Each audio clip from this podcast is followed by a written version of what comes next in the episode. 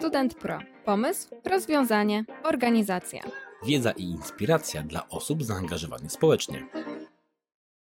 PW Racing Team, e, najlepszy zespół budujący elektryczne bolidy w Formule Student przez studentów w Polsce, można tak powiedzieć? Tak, po ostatnich zawodach już oficjalnie można tak powiedzieć. Oficjalnie, no tak, bo ja was obserwuję od samego początku, można powiedzieć, od wielu, wielu lat, e, no ale tu się trochę wcielę w rolę osoby, która niewiele o was wie, więc opowiadajcie proszę tak, żeby nasi słuchacze mogli e, zrozumieć i co, czym się zajmujecie, a no i oczywiście kto jest w studiu. W studiu z nami Karolina, Zuza i Paweł, czyli e, lider całego zespołu zespołu i dwie osoby odpowiedzialne za marketing, promocję i współpracę chyba z partnerami, tak? Dobrze to sobie tutaj wyobrażam? Dokładnie tak.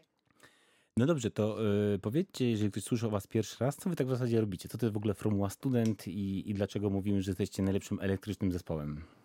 Formuła Student to przede wszystkim zawody inżynierskie, e, przy których mamy za zadanie wykształcić w sobie umiejętności e, czy do projektowania elementów e, mechanicznych, e, projektowania software'u, e, zarządzania również zespołem, więc to jest bardzo interdyscyplinarne mm, koło, w którym naprawdę wiele osób może się spełniać i rozwijać w tym, czym się interesuje. Ale powiedzieć tak bardzo ogólnie, że tak naprawdę budujecie bolidy, no to chyba to jest tą podstawową rzeczą, a to, o czym mówisz, jest jak gdyby związane z tym.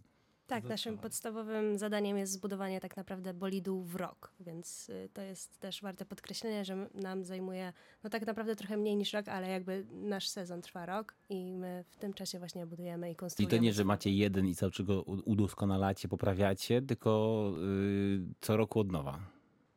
Tak, właśnie tak. Tego wymaga od nas regulamin, że co roku bolid musi być nowy, musi mieć zmienione większą część tych takich kluczowych elementów więc czasu jest naprawdę niewiele, bo rok to może się wydawać dużo, ale na zaprojektowanie, wykonanie i jeszcze przetestowanie bolidu to naprawdę ten czas y, mija. No i to jeszcze chyba bardzo mocno stymuluje te, takie, taką pomysłowość, no bo skoro nie, bo, czy ja dobrze rozumiem, że nie możecie brać rzeczy z poprzedniego bolidu i wkładać ich do nowego, to tylko musi to od nowa zaprojektować? Y, nie, część rzeczy można przełożyć, ale dokładnie każdy bolid musi mieć znaczące zmiany w strukturze nośnej, a co się za tym idzie, to najczęściej zmiana struktury nośnej skutkuje tym, że część pozostałych elementów nie pasuje i trzeba je wykonać na nowo, albo po prostu się też zużyły, bo są elementy, elementy które po prostu e, mają zużycie poprzez mhm. jazdę. No dobrze, bo wspomnieliśmy to, dlaczego elektryczne? No bo y, bolidy, formuła to się raczej kojarzy z y, większości pewnie ze spalinowymi jakimiś wynalazkami. Kierunek, e, jaki motoryzacja obecnie wyznacza, to jest właśnie elektromobilność. E, jak i właśnie organizatorzy zawodów kierują ten e, zawody w stronę e, samochodów elektrycznych, jak i autonomicznych, czyli przystąpiliśmy zarazem do samochodu elektrycznego, jak i autonomicznego w pierwszym roku przejścia ze spaliniaka.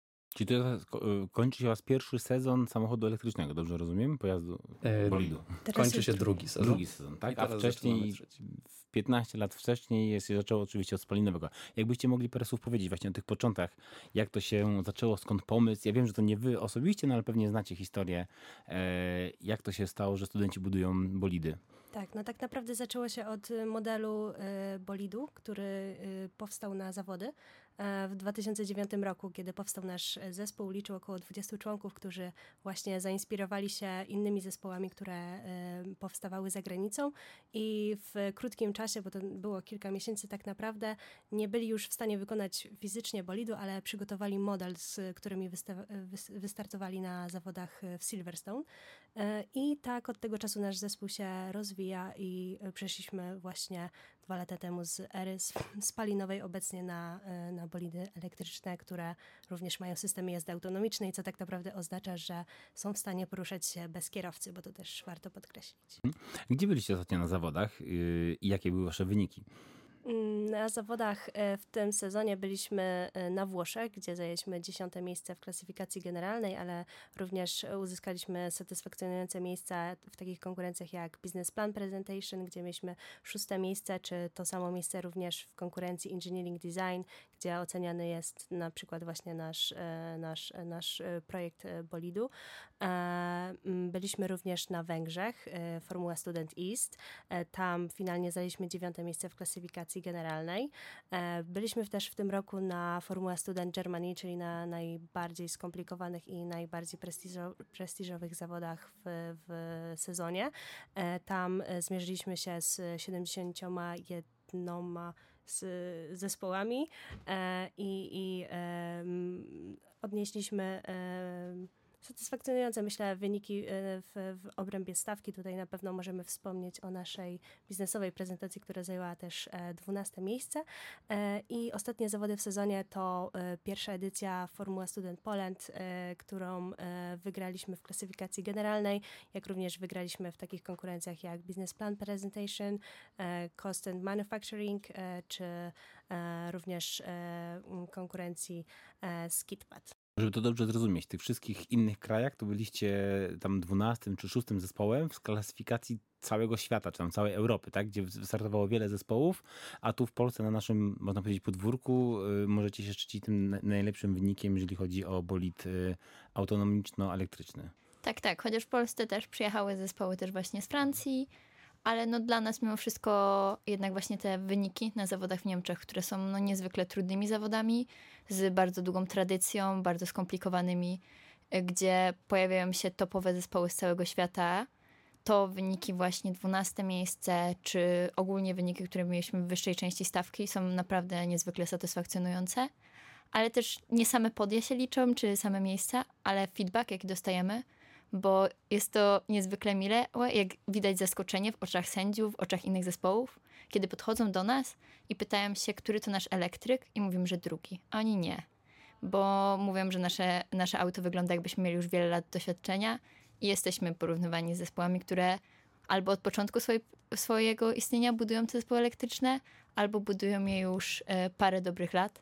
Więc jest to naprawdę miłe, że widzimy, że nasz bolid wzbudza bardzo duże zainteresowanie i że dużo osób się przy nim zatrzymuje i chce porozmawiać. Ale tak chyba było podobnie z spalinowym samochodem, że jak on pojechał pierwszy raz na, na jakieś zawody, czy drugi raz, to właśnie było naprawdę, robicie dopiero drugi rok i jeszcze tam pamiętam, że było takie porównywanie waszego budżetu i na przykład budżetów zespołów z Niemiec e, czy ze Stanów. To, to w tych pieniądzach nikt tego nie robi. Dobrze, to, to dalej tak wygląda? Tak, to prawda. Dalej jakby nasze budżety dla niektórych niemieckich zespołów są niewyobrażalnie niskie i dziwiam się, jak możemy i jesteśmy w stanie budować taki bolid.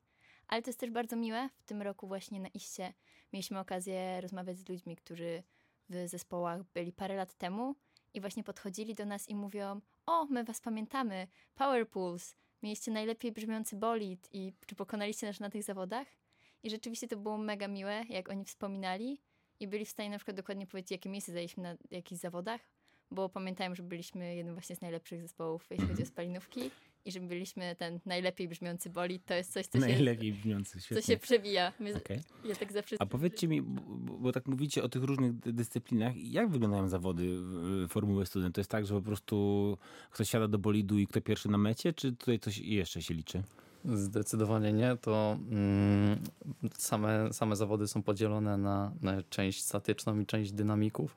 Statyki to jest engineering design, tak jak Karolina wspomniała wcześniej, czyli przedstawienie samego konceptu na bolid, co jak zaprojektowaliśmy, w jaki sposób podeszliśmy do danych tematów. Następnie mamy cost and manufacturing, czyli taki kosztorys bolidu. Tam jest e, sprawdzana też bardzo szczegółowość e, tego, mm, tego spisu e, oraz e, business plan presentation, gdzie wykazywane są umiejętności. mm, Gdybyśmy chcieli ten e, projekt e, zkomercjalizować, e, wystawić na rynek i tam są właśnie badane umiejętności gdzieś tam biznesowe. Mm, Następnie mamy dynamiki, e, czyli skidpad, jazda taka po ósemce, e, gdzie sprawdzane jest maksymalne, mm, maksymalne przeciążenie boczne, acceleration, czyli przyspieszenia wzdłużne. E, To są takie dosyć uproszczone konkurencje, e, gdzie też ilość punktów jest e, dosyć niska za to. E, Wtedy przechodzimy do tych najbardziej punktowanych dynamików, czyli autocross, czyli takie e, okrążenie kwalifikacyjne, e, które daje nam też miejsce startowe do endurance'a. Te najszybsze bolidy są wypuszczane w ostatnim momencie. Wtedy nawierzchnia jest najlepiej, nie, najlepiej nagrzana, jest też oczyszczona, więc to jest tak już poukładane. No i endurance jest najbardziej punktowaną konkurencją, czy jest to taki wyścig, który mm, ma 22 km, sprawdza wytrzymałość bolidu, wytrzymałość kierowcy i wielu, wielu innych rzeczy. Te samochody, wszystkie bolidy naraz, czy każdy osobno? One są wypuszczane w określonej kolejności przez autocrossa, czyli e, maksymalnie gdzieś tam trzy bolidy w tym samym czasie są wypuszczane. Ale to nie jest taka, taki, taki wyścig, że tu widzę, że ktoś mnie wyprzedza, to ja dodam gazu i on mnie wyprzedza. Wyprzedzanie jest dozwolone w określonych strefach. Mhm. Przede wszystkim to jest e, jazda bardziej samotna. Tam chcemy sprawdzać bolid, kierowcę. E, To jest e, też umotywowane tym, że jednak to są projekty studenckie i to nie wygląda jak w F1, że na przykład urwiemy przednie skrzydło. Dobra, wymieniamy zaraz. No tak, bo macie tylko jedno, czy tam góra dwa. Więc to Rozumiem. są prototypy zde- e, zdecydowanie. To jest też warte podkreślenia, że nasze zawody nie są takie typowo motorsportowe, żeby ścigać się koło w koło, a inżynierskie. Bo właśnie tutaj kształcimy przyszłych inżynierów, menadżerów. I też na przykład z tego wynika taka mocny teraz nacisk na elektryfikację i autonomię, bo po prostu takich inżynierów będzie potrzeba. Ważniejsze jest to, żeby sprawdzić ten pojazd, czy został dobrze zaprojektowany i wykonany, niż to, kto szybciej pojedzie. A y, kierowcami jest ktoś z was studentów, czy z, to są y, od organizatora? E, Kierowcami nie mogą być profesjonaliści, nie mogą mieć przede wszystkim licencji wyścigowej. Jeśli taka osoba ją posiada, to już automatycznie nie może być kierowcą formuły student. Mm, Jest to też spowodowane tym, że tak jak powiedziałem, to są zawody inżynierskie, a nie ścigamy się tam już na najwyższym poziomie e, w kwestii samego kierowcy. E, Przede wszystkim e, muszą być to studenci, żeby być przede wszystkim w kole naukowym i nieprofesjonalny kierowca. Natomiast nie oznacza to, że nad kierowcami się w ogóle nie pracuje, ponieważ treningi kierowców zajmują też dużą część pracy naszego sezonu, ponieważ mamy treningi zarówno na mm, go-kartach, jak i symulatorach, treningi wytrzymałościowe, treningi siłowe, jak i rozwijanie samej wiedzy odnośnie setupu auta, ponieważ kierowca też jest takim źródłem feedbacku, gdy zaczynamy testy bolidu. Czyli jak zbudujemy ten bolid, to trzeba go przetestować, trzeba go ustawić i kierowca też jest między innymi źródłem tych informacji.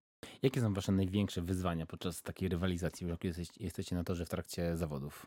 Zdecydowanie, może w sumie na to, że też to się sprawdza, bo jednak czas jest taką kluczową kwestią i w trakcie trwania sezonu, i też podczas samych zawodów, bo zawody są niezwykle skumulowane. Jako bolid elektryczny mamy do przejścia 8 inspekcji technicznych, jako bolid autonomiczny aż 10, a czasu na zawodach jest bardzo mało. One zazwyczaj trwają około paru dni. E, Jest tych zespołów dużo, więc tak naprawdę dosłownie minuty się liczą i presja czasu jest ogromna. My tego bardzo doświadczyliśmy w tym roku, gdzie zabrakło nam dosłownie półtorej minuty, pół minuty. Założenie dosłownie dwóch rękawiczek, żeby móc wystartować w konkurencji, ale Niemcy są bardzo z zegarkiem w ręku, czas minął, więc czas jest na wagę złota i jest chyba takim najbardziej stresogennym czynnikiem, mam wrażenie. To jest bardzo, bardzo duży, e, bardzo duża przeszkoda w tych zawodach. Czyli naprawdę trzeba robić wszystko jak najszybciej i nie zwlekać z niczym. A jednocześnie dokładnie pewnie. Tak. A powiedzcie mi, o jakiejś najbardziej emocjonującej sytuacji wyścigu e, z tegorocznych waszego, tegorocznego waszego sezonu? E, Myślę, że najbardziej właśnie emocjonująca była ta walka z czasem i na Włoszech, gdzie udało nam się właśnie bardzo długo walczyliśmy z inspekcją elektryczną i udało nam się w ostatni dzień właśnie ją przejść, więc zostało nam bardzo, bardzo niewiele czasu na przejście pozostałych inspekcji, więc dosłownie wszystko robione było biegiem, tak mówię z cudzysłowiu, bo na zawodach Formuły nie wolno biegać i za to są ujemne punkty, więc wszyscy bardzo szybko chodzą. Więc to i na pewno patrzenie na tą finałową konkurencję, na endurance, było przynajmniej dla mnie, ale też są dla całego zespołu niezwykle emocjonujące, bo tak naprawdę mamy świadomość, że to jest finałowa konkurencja, bardzo trudna i bardzo niewiele jakby zespołów ją kończy. Na Niemczech na 71 zespołów zaledwie paręnaście dojechało do końca, a nawet w zespołów, które już wystartowały, to nie zawsze, nie zawsze kończą tą konkurencję. Nam na Polsce zabrakło półtorej okrążenia i, że tak powiem, chyba takich emocji. Ja w którymś momencie musiałam zejść z trybuny, bo jakby emocje dla mnie były za duże. Co to znaczy, zabrakło wam półtorej okrążenia? To znaczy, że nasz bolid niestety nie dojechał do końca konkurencji Mhm. finałowej. Jakby z zespołów właśnie, które wystartowały w niej, to nam właśnie jeden, jeden zespół właśnie wypadł na trzecim okrążeniu. Nie udało mi się, a nam... Półtorej kółka. Tak, a nam zabrakło właśnie półtorej kółka do końca, więc już naprawdę tyle. Ale no, tak, wiemy, że po prostu z tym się wiążą te, e, te zawody. Też rozmawialiśmy na przykład z naszą e, już dziewczyną, która była w zespole za parę lat temu i też mówiła, że to dla nich był tak ogromny sukces, że dokończyli właśnie endurance, że to jest tak duże wyzwanie, że mówi, że pamięta, że zespoły niemieckie tak na nich patrzyły, bo to wcale nie był jakiś e, super czas, bo dla nas to był początki Formuły Student, ale dla nich przejechanie endurance było takim wielkim sukcesem, że mówi, że do dziś wspomina ten moment i tą radość. Więc no, dla nas właśnie takim było przejście inspekcji i wystartowanie i zobaczenie po tylu setkach godzin na garażu tego bolidu, jak jeździ i się ściga, bo jednak elektryk jest bardzo dużym wyzwaniem. Zdarza się nie dojechać? Czy brakuje półtora okrążenia? Czy są jeszcze jakieś trudne sytuacje, z którymi musicie się mierzyć w trakcie zawodów i jak z nich wychodzicie? Ogólnie jako zespół studencki mam wrażenie, że my bardzo często się mierzymy z różnymi takimi ciężkimi czy kryzysowymi sytuacjami, co jest z jednej strony czasem wkurzające, a z drugiej strony bardzo dużo uczy. I taką sytuacją na przykład była awaria jednego z silników naszych elektrycznych podczas właśnie zawodów na Polsce, która no, dla wielu właśnie zespołów byłaby już takim, no nie oszukujmy się, zespoły do nas już nas spisały na straty, że już nie wystartujemy, a dla nas to był bardzo duży cios, ale byliśmy bardzo zawzięci, że powiedzieliśmy, że wystartujemy, że przyjechaliśmy tutaj z konkretnym celem, przyjechaliśmy tutaj wygrać i że ch- przyjechaliśmy tutaj pokazać jakby, że to, co robimy jest na najwyższym poziomie. I właśnie ta znajomość, te godziny spędzone na garażu, te godziny spędzone na projektowaniu własnych silników, tam się opłaciły, bo po prostu rozkręciliśmy silnik, naprawiliśmy silnik w paręnaście godzin i to, to była bardzo duża walka z czasem. Mamy takiego lidera elektroniki, który, elektryki, który mówi, że on się nie stresuje. On już tyle przeżył kryzysowych sytuacji w tym zespole, że on już się nie stresuje. I właśnie tego wieczoru, dzień, dzień przed, gdzie mieliśmy naprawiać ten silnik, mówi Zuzia, ja się pierwszy raz stresuję w tym sezonie. Jakby ja nie wiem, czy to się uda. I naprawdę emocje były bardzo duże, ale była też bardzo duża taka współpraca i bardzo wtedy się czuło to, że jesteśmy grupą, że jesteśmy zespołem, że każdy robił co mógł, nawet jeśli nie pomagał stricte przy tych silnikach, to właśnie czy przynieść chłopakom jedzenia, czy wody, czy przygotować inne rzeczy, żeby auto było już po prostu tylko gotowe do włożenia tych silników i wyjechania później na tor. No to była bardzo duża walka z czasem i bardzo duże emocje i jesteśmy super szczęśliwi, że się udało. Mam wrażenie, że zwycięstwo nie smakowałoby tak dobrze, gdyby nie było żadnych trudności. silnik się nie zepsuł. Może nie, bo trudności nie było, ale jednak to takie, że, że widzieliśmy też, była ta rywalizacja do końca i tak naprawdę do momentu wyczytania, kto wygrał zawody, my tego nie wiedzieliśmy. Zwłaszcza, że konkurencję, która statyczną, która jest najwięcej punktowana, e, wygrał zespół z Poznania o niecałe tam pół punkta, ale my wtedy tego nie wiedzieliśmy, bo nie było wyświetlania punktacji.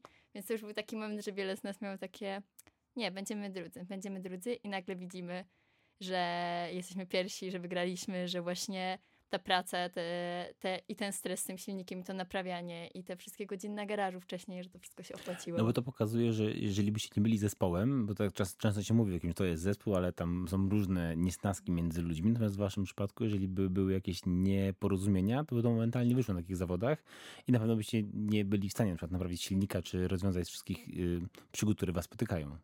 Wiadomo, jakby jak w każdej grupie ludzi czasem się zdarza, że czasem się kłócimy, czy się nie zgadzamy, ale dużo relacji, jakby większość relacji to, że spędzamy tyle czasu, że mamy jeden wspólny cel, sprawia, że jesteśmy bardzo, mam wrażenie, zgraną grupą, że bardzo się o siebie troszczymy i nawet nie tyle już na samych zawodach, bo tam to tak najbardziej widać, bo jesteśmy ze sobą, ale też jak wróciliśmy, y, to bardzo często, czy jak ktoś jest chory, czy ten, to dostaje wiadomości od osób z zespołu, jak tam, czy można coś pomóc.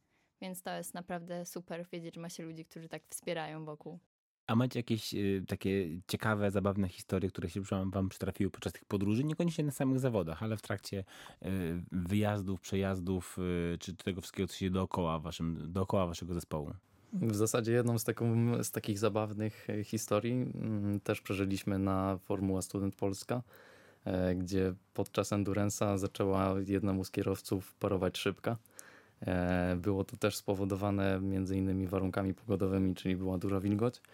Mm, I zaczęła się komunikacja pomiędzy kierowcą a naszymi inżynierami wyścigowymi po- poprzez interkom. E, Halo panowie, czy możemy e, uchylić tę szybkę, ponieważ to jest niedozwolone przez regulamin Formuły Student. Wiadomo, może trafić jakiś kamień, może trafić jakiś owad w oczy kierowcy, byłoby to bardzo niebezpieczne. E, Dlatego musieliśmy specjalnie prosić o pozwolenie e, osoby oficjalne, tak, czyli e, osoba, która kieruje endurance'em.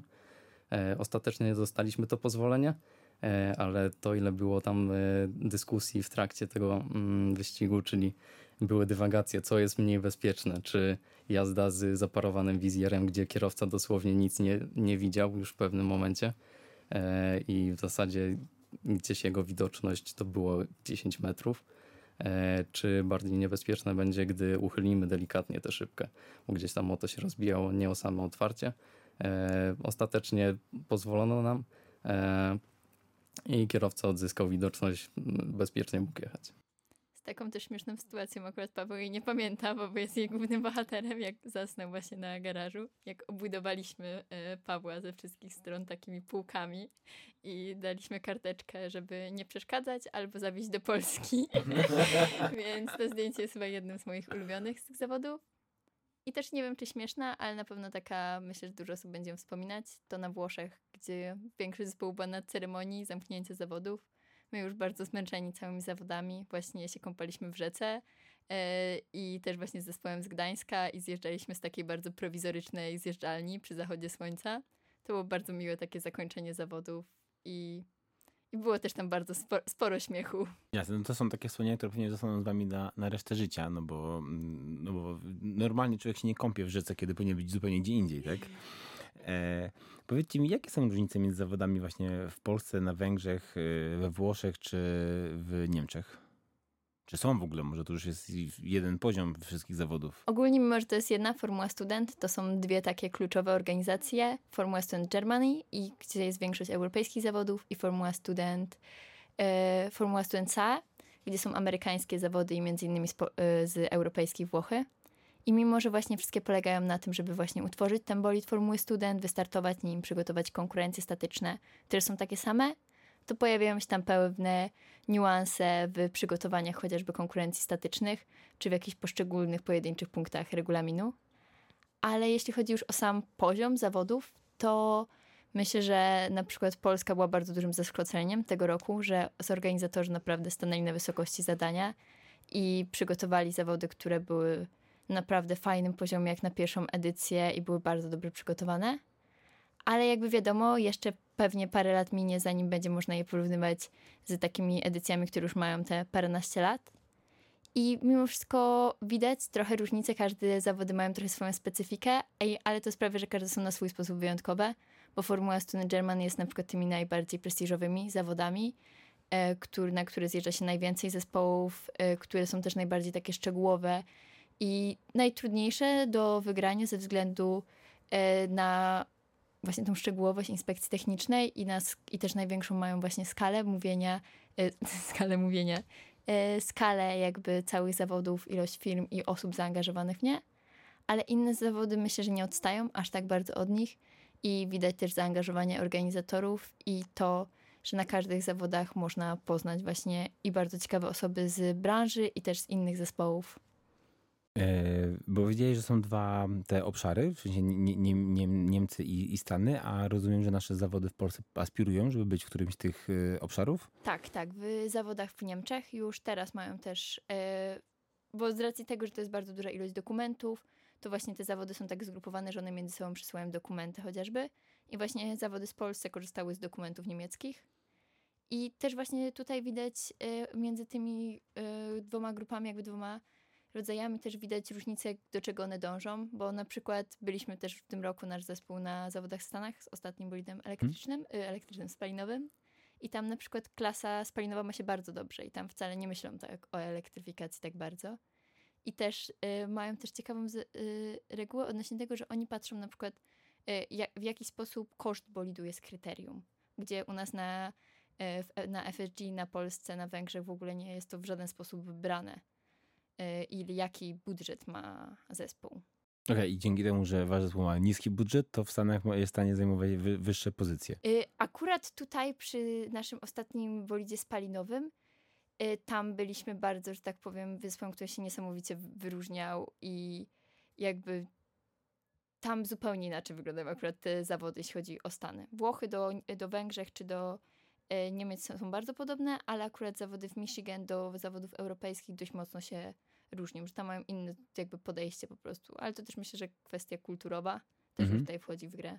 Tak, ale chodzi o to, że przez to, że wasz bolid jest tańszy, to on dzięki temu ma więcej punktów, tak? Na tych A zawodach? zaskakująco w Stanach y, bolidy nie mają aż tak, y, zespoły Formuły Stone nie mają aż tak dużych budżetów. A, czyli te niemieckie są naj... naj e, Ale syriackie i niemieckie mają takie największe budżety, jeśli chodzi o, o tak by tutaj Europę. Już wiem, oni jeździli do Stanów i ciągle przygrywali z uwagi na budżet i zrobili swoje zawody. Pewnie tak było. Mogło tak być. nie, nie wiem, to teraz wymyślam. E, ale może tak. A powiedzcie mi jeszcze, bo to mnie zaintrygowało, kto w Polsce robi zawody Formuły Studentów?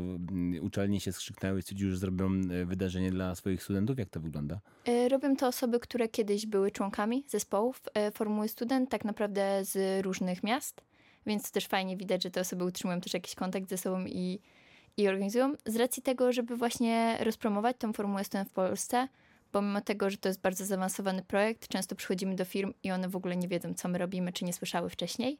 A w Niemczech, jeśli mówi się o Formule Student, to y, takie osoby z firm doskonale wiedzą, kto to jest, bo po prostu mają bardzo dużo pracowników i bardzo dużo przychodzi stamtąd. Czy rozmawialiśmy też z zespołem z Wielkiej Brytanii, gdzie oni mówią, że u nich praktycznie bardzo dużo osób z zespoły z Formuły Student od razu idzie do Formuły 1 czy Formuły 2, bo po prostu to jest taka automatyczna trochę droga. I chcemy też właśnie, jakby rozmawialiśmy z organizatorami zawodów, że oni też chcą pokazać, że mamy tutaj świetnych inżynierów, świetnych menadżerów w Polsce i żeby też im otworzyć drogę właśnie na rozwój i W ogóle wspaniale to, co powiedziałeś, że to robią osoby z różnych zespołów, czyli wy oprócz tego, że budujecie relacje między sobą w zespole, gdzie budujecie ten bolid cały rok, to też budujecie kontakty, znajomości z osobami z innych zespołów i nagle się okazuje, że jest taka sieć, powiedzmy sobie, znajomych w całej Polsce, a nawet w całej Europie czy na świecie, osób, które zajmują się bolidami. Tak, to też było niezwykle miłe akurat jeśli tutaj tak, t- y, jeśli chodzi o znajomości, że do nas bardzo często podchodzą inni Polacy z różnych zespołów z całej tak naprawdę Europy i to jest zawsze miłe, bo oni zawsze się przychodzą, przywitać, porozmawiać i chyba jedno z takich milszych wspomnień w ogóle z tych zawodów było jak przyszła do nas dziewczyna właśnie ze Stanów i mówiła, że właśnie rozmawiała ze mną o bolicie, tak mówi, mówi, mówi, mówi, ale no tak naprawdę to ja przyszłam, bo mam polskie korzenie i jakby bardzo bym chciała mieć waszą koszulkę. I naprawdę, jak się wymieniałam z nią koszulką, bo mamy taką tradycję, ja nie widziałam na tych zawodach, nawet te osoby, które wybiegały na scenę, nie były tak szczęśliwe jak ta dziewczyna, gdy dostała tą naszą koszulkę, bo właśnie. Dla tych, dla tych, co tylko słuchają, e, koszulki racingu mają na rękawku flagę Polski, więc jest taki bardzo mocny akcent e, związany z Polską. Tak, dokładnie. A powiedzcie mi, jakie były wasze odczucia, właściwie was jako osób na waszych pierwszych zawodach, na których byliście osobiście? E, To dla mnie pierwszymi zawodami były właśnie Włochy tego roku, więc na pewno duża niepewność, duże znaki zapytania, e, co będziemy robić, jak to będzie wyglądać. Zwłaszcza, że jakby prezentowałam aż trzy konkurencje statyczne i to była moja pierwsza styczność z tym, więc dość duża też presja. Ale dla mnie to był też niezwykły szok, bo już pierwszy dzień mogliśmy oglądać Formułę E, która jeździła obok nas, bo miała treningi. I to było takie zetknięcie, że rzeczywiście my jesteśmy bardzo blisko tego motorsportu już na najwyższym poziomie. I było to na pewno fajne przeżycie, możliwość poznania e, ludzi tak naprawdę z całego świata, bo zespoły przyjechały z całego świata i zobaczenia też, poznania osób, które tak samo jak my e, też wkładają w swój projekt całe życie i też jakby kochają tą motoryzację i tą formułę student. Moje pierwsze zawody to, to pierwsze, y, to, to wygrane tak naprawdę zawody w tym sezonie, czyli Formula Student Poland. E, I, i na, pewno, na pewno w pamięci mam e, ten, te momenty, w których wybiegamy na scenę, bo, bo w momencie, kiedy wygrywamy konkurencję, czy też klasyfikację generalną, wybiega się na scenę, ale na pewno zapamiętam też e, te możliwości, które miałam jako członek marketingu, który mógł wejść w miejsca dla prasy, gdyż miałam przepustkę medialną, więc mogłam wejść na, na, na tor i zrobić e, zdjęcia, relacje w miejsca, w które inni nie mieli dostępu, czy też na e, strefę dynamiczną, gdzie, gdzie zespół w określonej e, liczbie osób, często to są około czterech osób, może wejść ja byłam tą dodatkową osobą, która mogła być też bliżej tego wszystkiego i być świadkiem tych wszystkich konkurencji, inspekcji tak naprawdę. Moimi pierwszymi zawodami były Formuła Student Germany zeszłego roku. Myślę, że największym, co mnie zdziwiło, to to, jaki to jest poziom tych zawodów tak naprawdę, bo e, okazało się, że wystawiają się firmy naprawdę największego formatu, czyli Siemens, BMW, Audi, Porsche i mógłbym wymieniać naprawdę dużo więcej. Mm, Oraz to, kim są sędziowie, kim są organizatorzy tych zawodów, czyli w zasadzie pracownicy tych wszystkich firm, z którymi naprawdę można porozmawiać, można porównać też swoje wizje, można je przedstawić. Myślę, że to naprawdę było A największe. tacy sędziowie są tylko od sędziowania, czy też podpowiadają, co można byłoby zrobić lepiej w takim bolidzie? I to są jakieś y, cenne y, rady, czy jakby y, propozycje na kolejny rok? Z tymi sędziami można mm, standardowo porozmawiać e, jak z innymi ludźmi tak naprawdę, czyli mamy swoje pity. E, Ci sędziowie często mają czas, żeby się przejść po zespołach, popatrzeć, pooglądać. Jeśli są czymś zaciekawieni, jeśli widzą, że e, bolid jest na jakimś poziomie, to jak najbardziej chętnie z nami rozmawiają. I gdzieś tam wtedy też możemy sobie porównać te nasze mm, podejścia do pewnych tematów. No Dobra, ale słuchajcie, zanim pojedziecie na zawody z gotowym bolidem, żeby wziąć w nich udział i najlepiej je wygrać, no to on powstaje, jak mówiliśmy wcześniej, co roku od nowa. Powiedzcie troszkę, jak wygląda cały ten proces projektowania, wymyślania, później budowania bolidu, zanim on jest gotowy, żeby już tylko, wiecie, przekręcić kluczyk i odjechać. To zaczynamy od fazy konceptowej, która w tym momencie właśnie trwa na przyszły bolid, gdzie wymyślamy nasze założenia, jakby podejmujemy takie kluczowe decyzje na cały sezon. Później przechodzimy do fazy designu, która trwa gdzieś mniej więcej do przełomu roku kalendarzowego, gdzie już projektujemy nasze części, gdzie szukamy też materiałów, gdzie dowiadujemy się o tym, gdzie będziemy wykonywać część części, bo mimo, że jakby większość części, i 90% ponad procent elementów jest z naszego projektu i też bardzo wiele naszego wykonania, to są takie materiały, których po prostu z racji na przykład braku obrabiarki do tytanu wysyłamy gdzieś. Więc to jest ten czas, gdzie szukamy właśnie tych miejsc, gdzie możemy ją wysłać do obróbki. I przychodzi czas taki najbardziej intensywny, czyli czas wykonawstwa, gdzie już wykonujemy bezpośrednio nasze części, gdzie już składamy bolid właśnie jako w całość, gdzie łączymy wszystkie podzespoły, elementy. To Czyli jeszcze to jest, to jest zima, wiosna, tak? to jest tak naprawdę od lutego aż do premiery tak naprawdę. Tak, no do premiery. Stricte do premiery, a później po premierze przychodzi czas na testy i też jeszcze ostatnie jakieś poprawki. Jeśli na testach wyjdzie, że coś jest do poprawienia, coś jeszcze można ulepszyć przed zawodami, to wtedy też jest na to. Powiedzenie, że jest na to czas, to trochę za dużo powiedziane, ale wtedy się tym zajmuje. Wtedy trzeba to zrobić. Tak. I Mhm. później zawody. No tak mówicie, no bo do, domyślam się, ja wiem, że ten bolid jest bardzo skomplikowany. Ile osób jest zaangażowanych y, w powstawanie bolidu i jak jesteście podzieleni? Sensie, No bo to na pewno ty jako szef zespołu nie jesteś w stanie ogarnąć pewnie wszystkiego, chyba że jesteś, to mnie popraw. E, jak, to jest, jak to jest podzielone? Nasz zespół składa się z około 60 studentów wrocławskich uczelni, bo są to głównie studenci Politechniki Wrocławskiej, ale mamy również studentów z innych uczelni. E, I jesteśmy podzieleni na sześć działów. E, Pięć działów technicznych, czyli to są e, dział kompozytów, vehicle performance, electrical, mechanical oraz dział software'u. Oraz szósty nietechniczny dział to jest dział marketingu i managementu. I każdy z tych działów ma swojego lidera, który odpowiada za pracę tych działów i za wykonanie odpowiednich e, części w obrębie pracy działu. No, a jak robicie, że to do siebie pasuje? W sensie nie o co mi chodzi, liderów, każdy ma swój dział, no to wiecie, jak to się dzieje, że to później, jak to złożycie, to, to działa? Przede wszystkim koordynacja tych wszystkich działów, czyli przede wszystkim mamy spotkania, e, cotygodniowe spotkania liderów, na których e, każdy mm, przekazuje wiedzę, którą gdzieś tam e, przygotował przez cały tydzień, czyli e, co udało się zrobić, jakie plany na następny tydzień i na resztę sezonu. Mm, Oprócz tego w zasadzie mm, ułatwia to też e, złożenie dynamiczne bolidu, które mamy w jednym programie, z którego korzysta sobie ka- każda osoba i symultanicznie mogą pracować na tym modelu i wrzucać te zmiany. E, Tam się pokazują kolizje, na przykład e, jedna osoba projektuje mm, na przykład zwrotnicę, druga osoba projektuje piastę, e, no i to gdzieś trzeba połączyć. Wrzucamy to na złożenie dynamiczne, tam się pokazują pewne niedoskonałości. Trzeba też pamiętać o tym, jak to później rzeczywiście się wykonuje oraz jak to trzeba złożyć. Czyli na przykład w samym złożeniu możemy powiedzieć, że nie ma kolizji materiał w materiał, ale gdzieś tam trzeba przełożyć śrubkę, gdzieś ją trzeba wkręcić e, i to są rzeczy, o których trzeba pamiętać. Czyli to jest taki program, takie dokumenty online, y, gdzie każdy pracuje u siebie, tak? I, i on na bieżąco widzi, czy to do siebie pasuje. I jeszcze bierze pod uwagę, jak to zamontować. Dobrze to rozumiem? Dokładnie tak. No tu już trzeba trochę doświadczenia po prostu, żeby e, wiedzieć co i jak gra. No dobrze, ale to, to rozumiem, że też y, każda z osób w, ty, w tych poszczególnych zespołach musi się nauczyć tego programu, jak i innych rzeczy. Powiedzcie mi, czego wy się uczycie jako osoby, osobiście czego się uczycie mm, działając w, w zespole? Myślę, że my akurat jak tutaj siedząc, będąc e, tegorocznymi lubiłymi liderami, liderkami, to możemy z pełną odpowiedzialnością powiedzieć, że wszystkiego, bo większość osób jakby kojarzy się i to są te rzeczy, które bezpośrednio, czy umiejętności techniczne, obsługi programów technicznych, wykonywania elementów, materiałoznawstwo, tego wszystkiego się uczymy, ale uczymy się też kompetencji miękkich, współpracy, rozmów ze sponsorami, negocjacji. My też jako marketing też dużo jakichś kreatywnych działań, ale tak naprawdę podczas zawodów, będąc liderami, to uczymy się też zarządzania zespołem, czy gotowania dla 25 osób w wielkim garze. Więc my chyba możemy powiedzieć, że uczymy się wszystkiego. Czyli y, na pewno to wykracza poza to, co, co by wam dała uczelnia, jakiekolwiek studia, tak? Zdecydowanie. Tak, mamy dostęp do e, programów, które są naprawdę najwyższej klasy, czy na przykład e, nasz e, projekt aerodynamiki korzysta z oprogramowania, które jest również używane przez światowe marki, już nie będę wymieniał.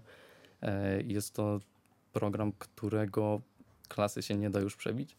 E, Więc e, umiejętność obsługi takiego programu jest już bardzo dobrze traktowana przez przyszłych prac- pracodawców. E, I w zasadzie, jak się składa CV do takiej firmy, no, wow, umiesz ten program. To Niektórzy u nas 5 lat i dalej nie umią, tak? prawda. Jest to właśnie ciekawe to, że właśnie przez to, że mamy taką jakby możliwość zobaczenia na żywo, dotknięcia, zrobienia tego swojego elementu, to jest coś, czego nie ma często możliwości na zajęciach, bo na zajęcia często są teoretyczne, a tutaj tak naprawdę przechodzimy przez cały proces i widzimy to na każdym etapie, od tak naprawdę pomysłu przez projektowanie do wykonania, wyboru materiałów i tutaj jest ogrom wiedzy.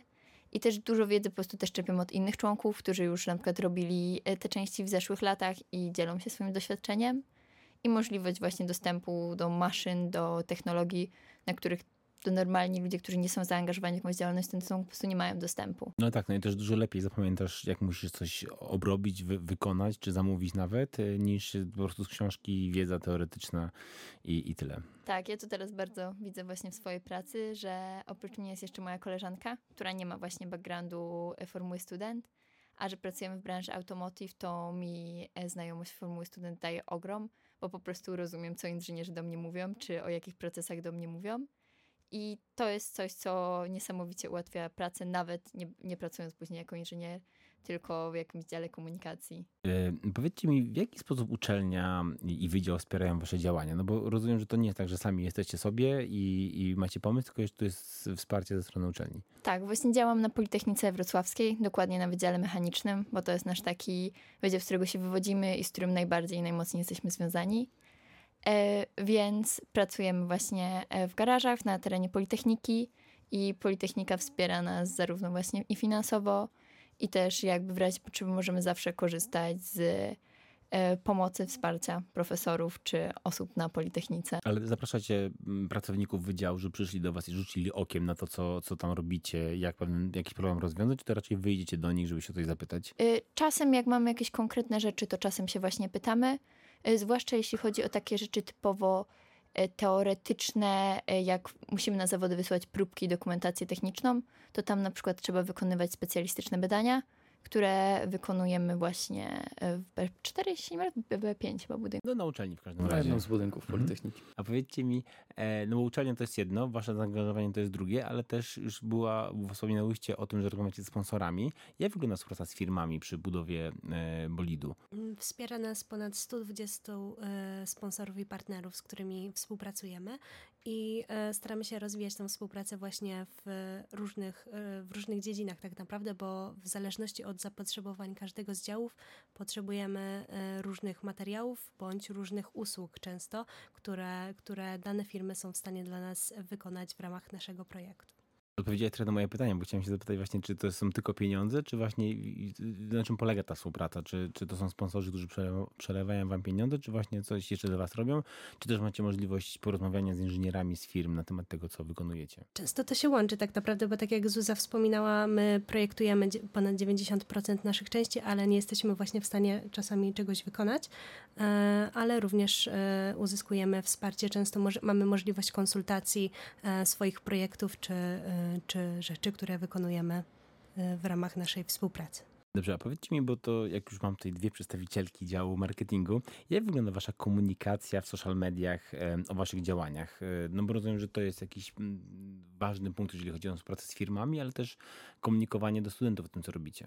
Mm, Tak, staramy się, staramy się komunikować mm, w miarę ciągle. Staramy się mieć angażujące treści, które zainteresują zarówno e, studentów, jak i e, osoby, jak i osoby ze świata biznesu czy, czy firmy Automotive. E, Staramy się być kreatywnym w tych, w tych działaniach, czy podczas zawodów e, e, e, na bieżąco relacjonować nasze postępy i nasze osiągnięcia.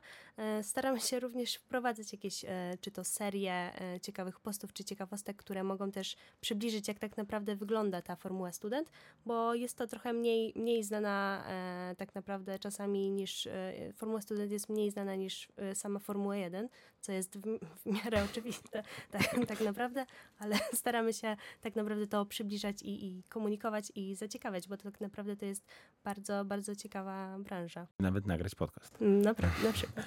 E, A na jakich, chciałem się zapytać tak technicznie, gdzie się publikujecie? W sensie, no bo macie Facebooka i co jeszcze? No, zakładam, że macie Facebooka. E, Tak, Facebooka mamy, Instagrama, ale również prowadzimy LinkedIna, gdzie również są te bardziej kontenty biznesowe e, i również jeżeli mamy jakieś materiały wideo, one się po prostu pojawiają na Wchodzicie w YouTubie. jakieś takie TikToki albo jakieś takie rzeczy? E, Nie, na razie do tej pory się skupialiśmy na rozwoju tych platform, które już mamy, bo jednak nasz rok jest bardzo napięty i często po prostu mamy dużo na przykład pomysłów, co chcielibyśmy zrobić, nagrać, ale jednak rok, doba jest czasem dla nas za krótka i skupiamy się głównie właśnie na pokazywaniu e, tego, co właśnie robimy na co dzień, na tych platformach, które już mamy. Czyli te i tam trzy rozwijamy. najważniejsze, które pewnie też pokrywają, każdy ma przynajmniej jedną z nich, o co, coś w tym stylu. Pewnie, pewnie jest jakieś parę procent, które nie ma, ale y, są osoby, które nie mają Facebooka, mają Instagrama, nie mają Instagrama, mają LinkedIna i tak w kółko, nie? A tu jak gdyby o, pokrywacie te naj, najwa, najważniejsze, największe.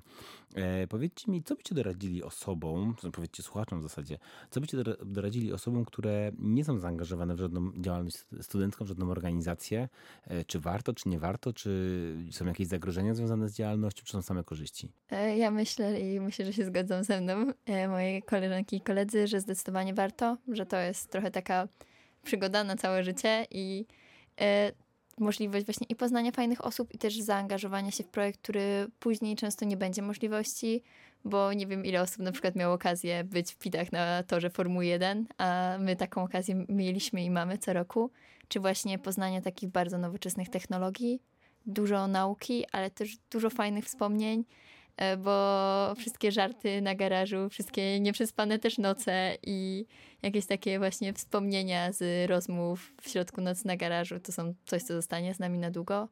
Więc myślę, że działalność studencka, zwłaszcza, że jest taka szeroka, że we Wrocławiu mam naprawdę ogrom kół, agent studenckich, organizacji, że w każdej dziedzinie można coś znaleźć dla siebie. I myślę, że to jest niezwykle rozwojowe i niezwykle fajna okazja do poznania ludzi i porobienia rzeczy, których nie zawsze później w życiu zawodowym będziemy mieli okazję po prostu porobić. Bo może kogoś na przykład bardzo chciałby być radiowcem, albo właśnie bardzo chciałby budować bolidy Formuły Student, ale niekoniecznie wiąże z tym swoją przyszłość zawodową. A tutaj podczas studiów mamy taką niezwykłą okazję e, zaangażować się w takie rzeczy. No to już można sprawdzić, w czym się człowiek odnajduje i być może zmienić kierunek swoich studiów czy, czy decyzji życiowych. To prawda, mamy takie osoby, które na przykład były nie na nietechnicznych studiach, a u nas w zespole zajmowały się technicznymi rzeczami i później na przykład pokierowały swoją karierę w tą stronę. E, Albo właśnie można, w naszym zespole nawet osoby zmieniają działy, bo przyszły myśląc, że chcą na przykład robić y, kompozytę i zmieniły na elektry- y, elektronikę albo kompletnie w drugą stronę. I to jest fajne, że można testować, że to nie jest tak, że zostałam przyjęta na jakieś dane stanowisko i muszę to robić, tylko można testować, można próbować, można się uczyć. Ja sama osobiście bardzo dużą y, przyjemność czerpałam z pomocy działowi kompozytów przy robieniu monokogów w tym roku, mimo że to nie jest coś, co bym chciała robić w przyszłości, bo jednak wiąże się z komunikacją i marketingiem. To było to super doświadczenie, którego no, nigdy więcej prawdopodobnie nie będę miała okazji. No tak, bo zawsze lepiej w trakcie studiów coś poeksperymentować i najwyżej zawrócić z obranej drogi i pójść na tą, którą naprawdę chcemy robić, niż gdzieś tam później po 10 latach studiów jednak doszedłem do wniosku, że chciałbym robić coś zupełnie innego w życiu. Eee, A jakieś zagrożenia? Czegoś, coś, na coś zwracacie uwagę, że trzeba uważać, yy, angażując się tak bardzo? No bo myślę, że wasz zespół, tak jak wszystkie te zespoły, które robią właśnie, mają taki cykl od pomysłu do zawodów, yy, no to jest ogrom czasu spędzacie, yy, bardzo się zżywacie, no ale co z resztą waszego życia, studiów, kontaktów z rodzinami, czasem na pracę, nie wiem. Myślę, że największym zagrożeniem bycia w zespole jest to, żeby się nie zaangażować za bardzo, bo tych rzeczy, które są ciekawe, które nas pasjonują, jest bardzo dużo i naprawdę duża część osób e, robi wiele rzeczy w zespole. Nie tylko projektuje jakąś część, ale na przykład jest również kierowcą. Na przykład są osoby, które są liderami działów, jakie prowadzą swojego parta.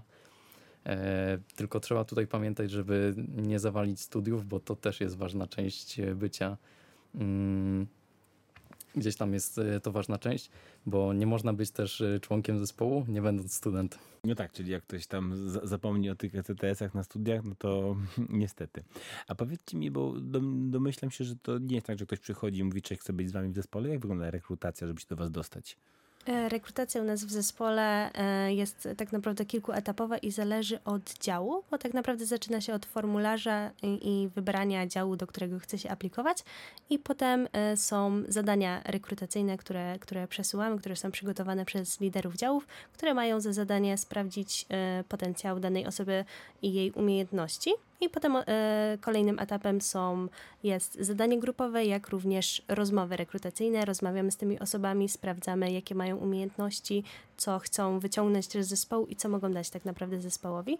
E, I e, tak naprawdę po tym podejmujemy decyzje, które osoby do nas dołączają i e, mm, witamy nowych członków e, zwykle właśnie na początku listopada, e, gdzie zaczynają swój okres rekruta w naszej organizacji ale to też nie jest aż takie straszne, jak to brzmi, bo wiemy, że zadania To brzmi bardzo formalnie, ale to są roz... bardzo fajne zadania. Rozmowa rekrutacyjna to brzmi tak oficjalnie, ale przede wszystkim zaangażowanie i chęć po prostu e, podjęcia się tego wyzwania, bo często zadania po prostu wymagają researchu i wymagają tego, żeby ktoś pokazał, że chce się dostać do zespołu i chce pracować. Hmm. Często wiele działów wymaga po prostu chęci do działania, bo tak naprawdę wiele się u nas można nauczyć, ale właśnie te chęci e, często, często nadrabiają e, wiedzy, którą można u nas uzyskać.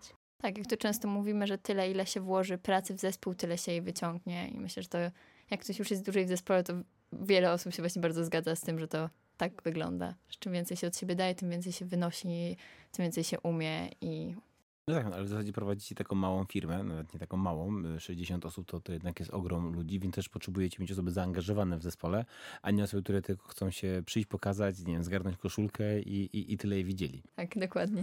Powiedzcie mi jeszcze proszę, yy, interesuje mnie ten świat jeszcze Formuły Student w Polsce, no bo, bo wspomnieliście tam, że 10 zespołów. Czy są jeszcze jakieś ośrodki, gdzie być może powstaną takie zespoły, czy już myślicie, że wszystkie największe uczelnie, e, najbardziej prestiżowe mają swój zespół e, Formuły Student? Myślę, że zdecydowanie nie. E, gdzieś tam z tego, co widziałem, to zespoły powstają jak najbardziej. Cały czas to się rozwija. Problemem e, z zespołami Formuły Student jest taki, że obecnie gdzieś tam próg wejścia e, do zespołu jest całkiem duży, ponieważ żeby zbudować bolid potrzeba jednak dużo, mm, dużo materiałów, które często są drogie. Potrzeba jednak zorganizować tych osób trochę, żeby zbudować przynajmniej taki podstawowy bolid. E, no i też trzeba mieć zaplecze technologiczne, które często się szuka u sponsorów, ale jednak trzeba je znaleźć. Czyli jednak od samego początku to musi być budowane jako zespół, nie że jedna sama ma pomysł i, i spróbuje to zrobić sama, tylko trzeba to w pełni od samego, od pierwszego, od samego pomysłu robi to zespołowo. Myślę, że nie jest to wykonalne w jedną osobę. Jeżeli w listopadzie pojawiają się nowe osoby, to rozumiem, że kształt, czy jak gdyby ideę nowego pojazdu, nowego bolidu konstruuje ekipa, która kończy, tak? Y, konstruuje ekipa, która zostaje, bo mhm. w naszym sezonie osoby są po najczęściej dłużej niż jeden sezon. Więc po prostu my z osobami, które jeszcze są po tamtym sezonie, już wymyślamy koncept. Ma to też sens, bo po prostu nasze, nasz koncept bolidu jest trochę inny niż zwykłego auta, więc po prostu potrzebno już, potrzebna już jest trochę mieć tej wiedzy, żeby móc ten koncept robić. I dlatego my już przy, jakby go przygotowujemy, ale to nie jest jakby wyznaczone od A do Z. Te osoby, które przychodzą też mają szansę jakby się wykazać i ulepszyć swoje party. Więc tak. Czyli też trochę jest tak, że to nie jest impreza na jeden rok studiów, tylko raczej trzeba myśleć o, o takim zespole jako kilkuletniej przygodzie, a najlepiej przez całe studia, tak? tak jest najlepiej. Można się na pewno najwięcej nauczyć i też jakby zrobić swoją część właśnie nie raz, ale ją jakby też zwalidować, zrobić ją kolejny raz. I to jest właśnie z tego, co rozmawiałam z inżynierami, bo my stricte z Karoliną nie mamy jakby swoich partów, ale że właśnie to jest fajne, że można widzieć jakby jak ta część się rozwija i jaki się progres też wykonało, porównując jakby swoją pierwszą zaprojektowaną część, a niektórzy już u nas na przykład projektują ją po raz trzeci. I to dobrze bardzo widać na przykład naszej baterii, gdzie chłopacy 20 kg lżejszą baterię zrobili i już teraz kolejną, którą projektują jest jeszcze będzie lżejsza. Więc jest to jakby taki bardzo u nich namacalny, y, odczuwalny przy noszeniu bolidu y, progres. Każdym rokiem lżejsi, tak? Tak, do tego teraz dążymy między innymi. Dobrze, dziękuję Wam bardzo e, za rozmowę. Życzę powodzenia z wymyślaniem, projektowaniem, pozyskiwaniem sponsorów, e, partnerów i oczywiście z wygrywaniem na zawodach. E, no i do zobaczenia, usłyszenia. Dziękujemy. Dziękujemy. Dziękuję bardzo.